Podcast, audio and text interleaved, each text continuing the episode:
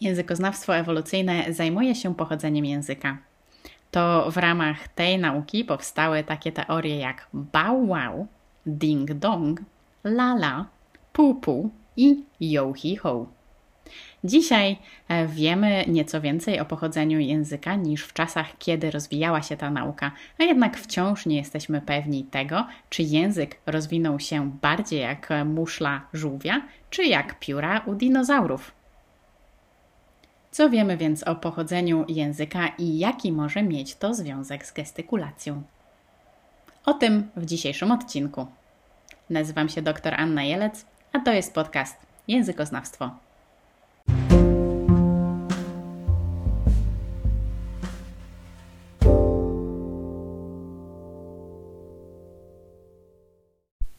Skąd możemy dowiedzieć się, jak wyglądało powstanie języka? Bo przecież przynajmniej przed wynalezieniem magnetofonu, mowa nie zostawiała po sobie żadnych śladów. Oczywiście możemy wyciągać trochę wniosków z tego, jak wyglądało pismo, a w szczególności tego, jak zapisywano poszczególne głoski i litery, ale to dotyczy już znacznie późniejszych etapów. Najwcześniejsze formy języka przecież są mówione, więc pismo nam o tym nic nie powie.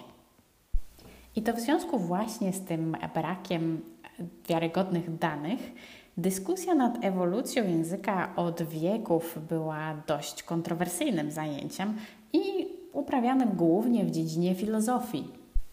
Co więcej, teorie snute na temat e, pochodzenia języka stały się tak kontrowersyjne, że kiedy w 1866 roku zakładano Stowarzyszenie Językoznawcze w Paryżu, statut owego stowarzyszenia zawierał w sobie zakaz dyskusji o ewolucji języka wśród jego członków. Nie zmienia to jednak faktu, że pochodzenie języka stanowi fascynujący temat i to nie tylko w językoznawstwie, bo przecież pochodzenie umiejętności mówienia jest fascynujące dla nas wszystkich. Z jednej strony przecież wiemy, że zwierzęta umieją się porozumiewać między sobą zarówno sygnałami wokalnymi, gestem czy mową ciała. Z drugiej jednak strony jest to tak bardzo różne od umiejętności językowych ludzi. Nawet najbardziej zaawansowanym programom badawczym związanym z komunikacją zwierząt, takich jak małpy człekokształtne, nie udało się stworzyć warunków, w których te zwierzęta pozyskałyby system komunikacji tak złożony i elastyczny jak mowa. I choć wysiłki badaczy w zakresie kształcenia językowego e, małp człekokształtnych przyniosły pewne efekty, to nie udało się stworzyć warunków, które pozwoliłyby małpom takim jak gorylica koko czy szympansowi nazwanemu nimczympski osiągnąć biegłości w ludzkim języku na poziomie powyżej trzyletniego dziecka. Zarówno Koko, jak i Nim potrafiły co prawda nauczyć się bardzo szerokiej serii znaków języka migowego i potrafiły je złożyć w proste konstrukcje gramatyczne, ale nie wyszły nigdy poza ten poziom. To by sugerowało, że coś takiego jest w języku ludzkim, co wymaga typowo ludzkiego umysłu czy typowo ludzkiego myślenia. Ale jak to się stało, że akurat my, akurat ludzie, uzyskali umiejętność mówienia. Przyjrzyjmy się teraz pięciu wczesnym teoriom na temat powstania języka. Pierwsza z teorii to tak zwana Bow Wow Theory, co możemy przetłumaczyć z grubsza na polski jako teoria hał-hała. Teoria ta mówi o tym, że pierwsze słowa powstały, kiedy nasi przodkowie zaczęli imitować dźwięki naturalne, które ich otaczały. Co by oznaczało, że pierwsze słowa naszych przodków to w rzeczywistości były onomatopeje, takie jak mu, miał, chlap czy plask. Oczywiście ma to sporo sensu. Onomatopeja jest wciąż bardzo istotną częścią języka a w szczególności istotną częścią słownika dzieci, które dopiero języka się uczą. I tak na przykład trzylatek czy trzylatka, którzy na krowę mówią mumu, a na obiad am am, budują swoje słownictwo właśnie na podstawie onomatopei. Teoria ta napotyka jednak problem, a w zasadzie dwa problemy. Po pierwsze, z jednej strony dźwięki natury brzmią dosyć podobnie na całym świecie, a przynajmniej taka krowa wydaje podobny dźwięk, jeżeli mieszka w Polsce, w Chinach, w Stanach Zjednoczonych czy w Nowej Zelandii. A jednak onomatopeje w różnych językach brzmią różnie. Podczas gdy po polsku piesek robi hał hał, po angielsku robi wuf wuf albo nawet arf arf, w języku irlandzkim mamy am am, we włoskim bał bał, a po japońsku wan wan. Nasza teoria więc musiałaby wytłumaczyć, dlaczego mimo bardzo podobnych warunków różne języki świata wykształciły zupełnie różne słowa na to samo zjawisko. Po drugie, Onomatopeje jednak w słownikach języka są stosunkowo rzadkie, a przynajmniej kiedy już minie nam ten etap języka, kiedy na krowę mówimy mumu. Stawia to przed naszą teorią poważne wyzwanie. Musiałaby bowiem wytłumaczyć, skąd wzięły się nie tylko pozostałe słowa, ale również powiązania gramatyczne między nimi. I tak teoria bow wow czy how how pozwoli nam wytłumaczyć, w jaki sposób powstało to pierwsze słowo. Owszem, ale stąd będzie nam bardzo trudno dojść do tego, jak z tego pierwszego onomatopeicznego hał hał, koniec końców doszliśmy do mowy, która potrafi wyrazić stwierdzenia w stylu wypłynąłem na suchego przestwór oceanu. Druga z teorii nazywa się ding dong. Możemy to przetłumaczyć jako dzyń dzyń, ale możemy też po prostu zadowolić się ding-dongiem. Mówi ona, że mowa powstała w odpowiedzi na dźwięki wydawane przez przedmioty z ludzkiego otoczenia. Tę teorię powstania języka cenił sobie zarówno Pitagoras, jak i Platon. Jej główną zaletą miało być to, że dźwięki wydawane przez ludzi, które stały się mową, miały harmonizować z resztą otoczenia. Tak jak w przypadku poprzedniej teorii, how-how, mamy tutaj do czynienia z kilkoma problemami. Po pierwsze, owszem, możemy wnioskować, że ludzie zaczęli wydawać z siebie dźwięki, a później zmieniły się one w pierwsze słowa, aby oddać dźwięki tego, co dzieje się w otoczeniu. Bo przecież tak samo możemy oczekiwać, że dziecko zrozumie hał hał jako określenie na pieska, jak dzyń dzyń jako określenie na dzwonek u roweru. Tymczasem jednak, poza faktem, że w języku faktycznie spotkać można onomatopeję, wiemy już, że nie ma zbyt wielu połączeń pomiędzy tym, jakie dźwięki wydaje z siebie przedmiot i jakich słów używamy, aby go określić.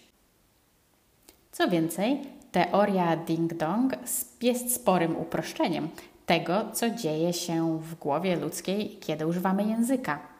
Bo przecież język to nie tylko słyszenie jakiejś nazwy i powtarzanie jej, albo słyszenie jakiegoś odgłosu i natychmiastowego powtórzenie, ale cały zestaw zjawisk psychologicznych i społecznych.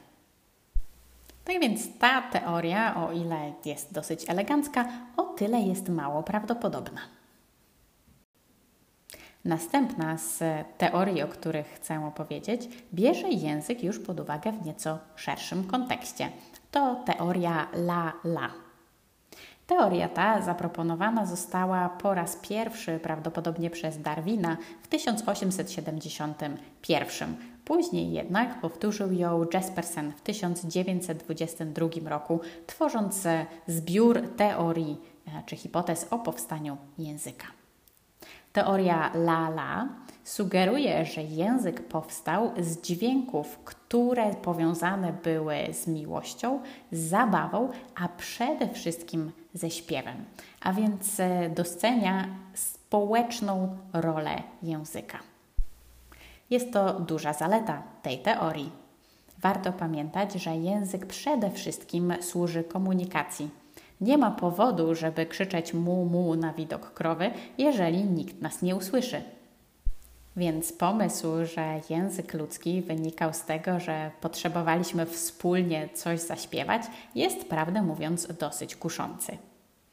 Problemem tej teorii jest coś, co zauważył językoznawca David Crystal, a mianowicie teoria la-la, tak jak pozostałe dwie, miałaby problem z wytłumaczeniem innych aspektów języka, takich jak chociażby gramatyka. Nie zmienia to faktu, że teoria powstania mowy na podstawie śpiewu jest wciąż dosyć kusząca. Neurolog i pisarz Oliver Sacks w jednej ze swoich książek o tytule Muzykofilia opisuje na przykład e, przypadek pacjenta, który nie był w stanie mówić, chyba że śpiewał tekst znanej piosenki.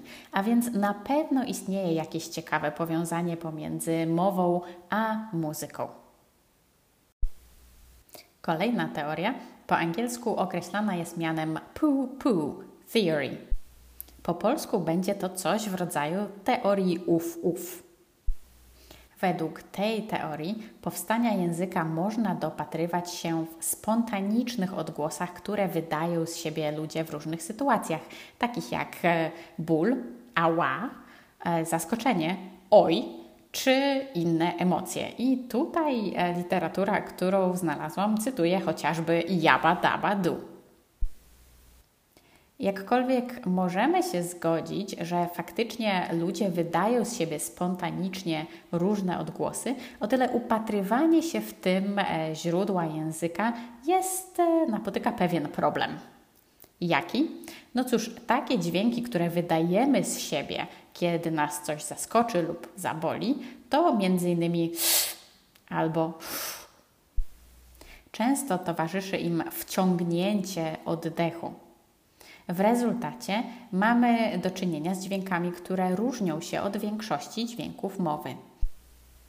W jednym z późniejszych odcinków e, dowiemy się, że większość dźwięków języków świata to dźwięki egresywne, czyli takie, podczas których strumień powietrza wypychamy z e, klatki piersiowej na zewnątrz.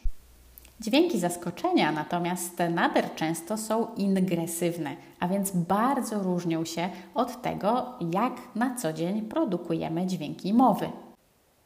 Oznacza to, że aby uznać, że teoria pół-pół czy uf-uf tłumaczy powstanie języka, musielibyśmy wytłumaczyć, jak e, zaszedł ten przeskok od wciągnięcia powietrza w zaskoczeniu do produkowania wielu złożonych sekwencji dźwięków na wydechu, a tego ta teoria nie jest w stanie zrobić. Nasza ostatnia, piąta teoria po angielsku nazywa się The Yo-He-Ho Theory. Jej polski ekwiwalent brzmiałby mniej więcej teoria hej-rób. Mówi ona o tym, że język prawdopodobnie wyewoluował ze stęknięć i jęknięć towarzyszących wspólnej fizycznej pracy wielu osób. A więc kiedy wyobrazimy sobie naszych przodków podnoszących świeżo upolowanego mamuta, żeby go zawlec do obozowiska na kolację, to możemy sobie wyobrazić, że aby wspólnie się zmotywować, pokrzykiwali do siebie nawzajem coś w rodzaju hej, rup, hej, rup. No i oczywiście tak mogło być. Teoria ta ma tę zaletę, że jako druga z tych pięciu bierze pod uwagę społeczną naturę języka. Bo przecież doskonale już wiemy, że język służy komunikacji między ludźmi i właśnie teoria hej rób proponuje, że powstał on dokładnie po to, aby koordynować wspólne wysiłki. Ale podobnie jak w przypadku teorii la-la, teoria yo-hi-ho będzie miała problem z wytłumaczeniem, jak w takim razie z takich pojedynczych zawołań e, powstała gramatyka. Co więcej, w przeciwieństwie do pozostałych teorii, teoria hej-rób nie tłumaczy powstania konkretnych słów, bowiem hej-rób to byłoby zawołanie na taszczenie mamuta, natomiast nie tłumaczy w jaki sposób e, nasi przodkowie nazwaliby samego mamuta. Rzecz jasna, możliwe jest, że język powstał nie z jednego, ale z szeregu powodów, co oznacza, że może więcej niż jedna z tych teorii ma rację. Współcześni językoznawcy jednak upatrują się powstania języka w nieco innych źródłach. I tak dochodzimy do nowoczesnych teorii powstania języka. Na przykład w swoim artykule Natural Language and Natural Selection naukowcy Steven Pinker i Paul Bloom proponują, że to gesty ewoluowały z czasem w kombinacje, które pozwoliły nam stworzyć złożone systemy komunikacyjne, takie jak język. I mimo, że pierwsze słowa powstały z jakichś prostych wokalizacji czy chrząków, to właśnie umiejętność kombinowania gestów podłożyła podwalinę pod gramatykę. W miarę jak sprawy wokół pierwszych ludzi stawały się coraz bardziej skomplikowane, potrzebowali oni coraz bardziej złożonego systemu przekazywania informacji. Ci, którzy byli w stanie przekazać swoim najbliższym informacje, mieli największe szanse przetrwania. I tak pierwsi ludzie, którzy uzyskali umiejętność komunikacji językowej czy protojęzykowej, to ludzie, którzy odnieśli największy sukces ewolucyjny. Ta teoria w skrócie nazywana jest teorią adaptacji Mówi ona o tym, że język powstał jako adaptacja sprzyjająca przetrwaniu i to ci, którzy się nim posługiwali, e, byli najlepiej przystosowani do tego, aby przeżyć.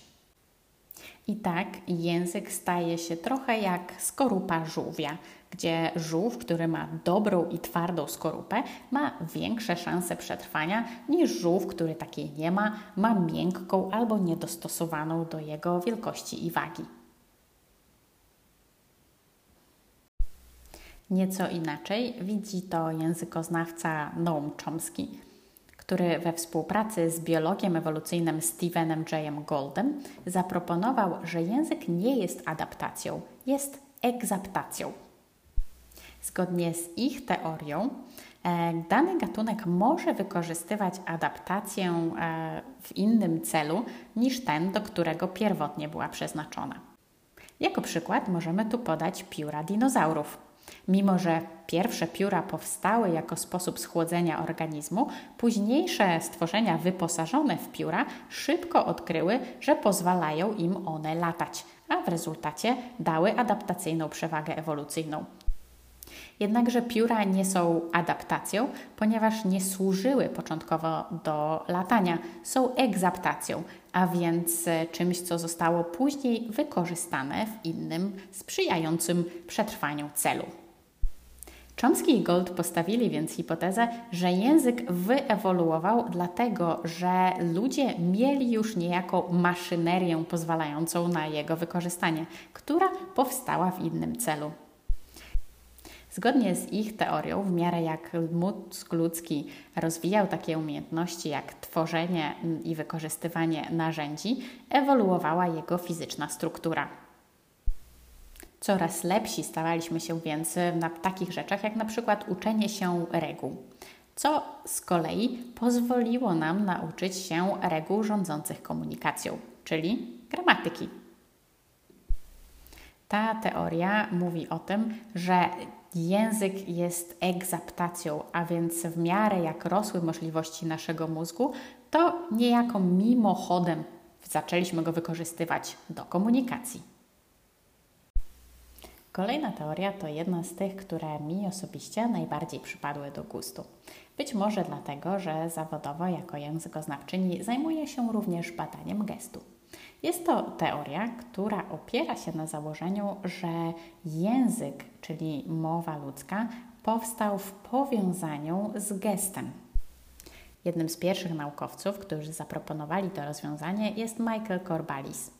To właśnie on zaproponował, że powiązanie powstania języka z gestem będzie tłumaczyło chociażby takie procesy jak gramatyka. Bo o ile, tak jak widzieliśmy z poprzednich teorii ewolucji języka, powstanie słownictwa można wytłumaczyć wokalizacjami, o tyle fakt, że różne słowa możemy wiązać w złożone konstrukcje gramatyczne, jest trudniej wytłumaczyć wykorzystując sam głos. Gesty natomiast można spokojnie łączyć w konstrukcje gramatyczne. Badania prowadzone przez naukowców nad komunikacją małp człekokształtnych pokazują, że zwierzęta te są w stanie opanować proste struktury gramatyczne w geście. A zatem dla gorylicy Koko nie było problemem nauczenie się prostej składni zdaniowej. Dla przykładu, taka reguła jak podmiot w zdaniu znajduje się przed orzeczeniem, była dla niej możliwa do opanowania, a więc mogła tworzyć potem zdania takie jak Koko chce albo ty chodź. Dlaczego jest to ważne? Dlatego, że na przykład w języku angielskim kolejność słów w zdaniu będzie zmieniała jego znaczenie. Co oznacza, że część znaczenia w języku w ogóle nie przekazywana jest w słowach, a w gramatyce.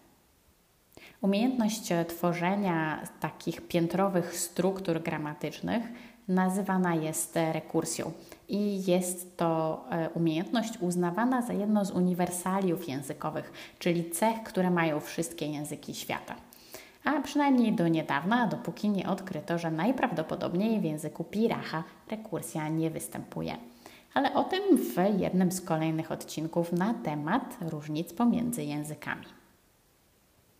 Kiedy wrócimy do kwestii pochodzenia języka i powiązania tego z gestem, e, możemy również przyjrzeć się propozycji jednego z polskich naukowców, profesora Przemysława Żywiczyńskiego.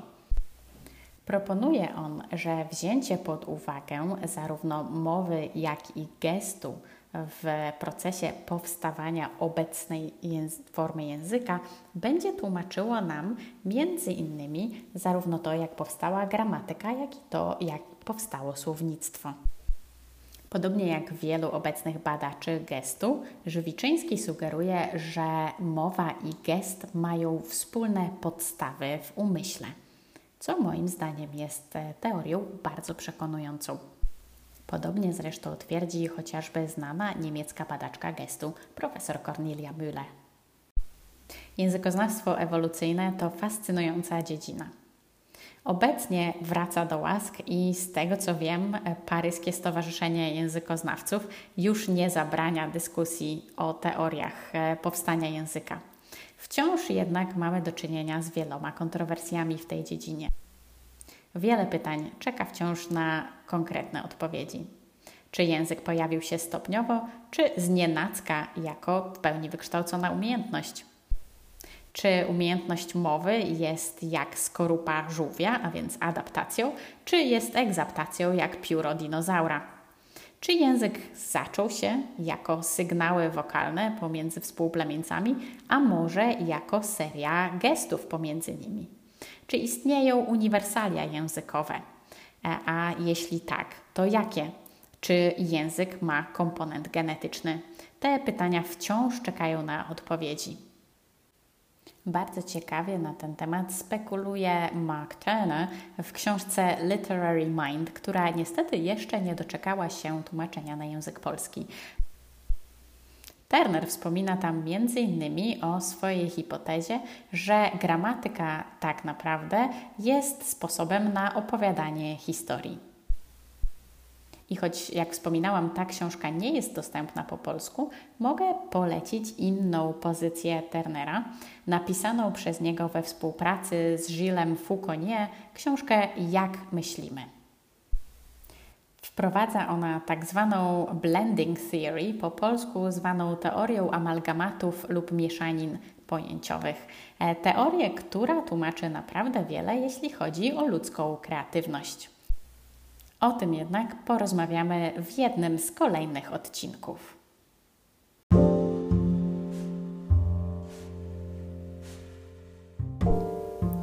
Hał, hał, dzyń, dzyń, la, la, uf, uf i hej, rób. To teorie, którymi kiedyś językoznawcy i filozofowie usiłowali wytłumaczyć powstanie języka. Późniejsze próby łączą powstanie języka z ewolucją ludzkiego umysłu. Część badaczy bierze również pod uwagę fakt, że język i gest powiązane są sobą w naprawdę niezwykły sposób. Mimo to na pytanie, jak powstał język, nie możemy udzielić obecnie jednoznacznej odpowiedzi. Odłożona na wiele lat na boczne tory dyskusja o ewolucji języka wraca obecnie z pełną mocą do centrum zainteresowań językoznawców. Coraz więcej z nas interesuje się tym, jak to się stało, że jesteśmy w stanie mówić. Szczególnie, że e, coraz bliżej jesteśmy stworzenia sztucznej inteligencji, a z nią przecież także wypadałoby się porozumieć. Mnie osobiście najbardziej przekonują teorie, które wiążą powstanie języka z doświadczeniami ludzkimi. I to nie tylko typowo fizycznymi doświadczeniami, nie tylko e, tym, że możemy syknąć, kiedy dotkniemy gorącego kamienia, albo że dźwięk, który wydaje z siebie wrona, będzie kojarzył nam się z tym ptakiem, ale również z doświadczeniami w sensie społecznym. Język przecież nie rozwija się w izolacji. Jeżeli dziecko nie będzie miało kontaktu z innymi ludźmi, to nie wykształci ono umiejętności, a może nawet potrzeby wykorzystywania języka. Dlatego teorie, które biorą pod uwagę społeczne znaczenie komunikacji, to moim zdaniem najbardziej realistyczne teorie powstania mowy. No ale nie możemy wykluczyć faktu, że język po prostu w pewnym momencie historii gatunku ludzkiego wszczepili nam kosmici.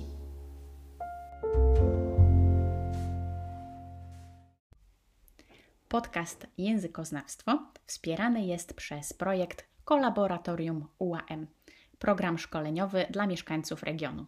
Realizowany jest w ramach programu operacyjnego Wiedza, Edukacja, Rozwój 2014-2020 i współfinansowany ze środków Europejskiego Funduszu Społecznego. Program Kolaboratorium oferuje wiele fascynujących kursów prowadzonych przez pracowników UAM, które serdecznie polecam. Zajrzyjcie na stronę kolaboratorium.amu.edu.pl.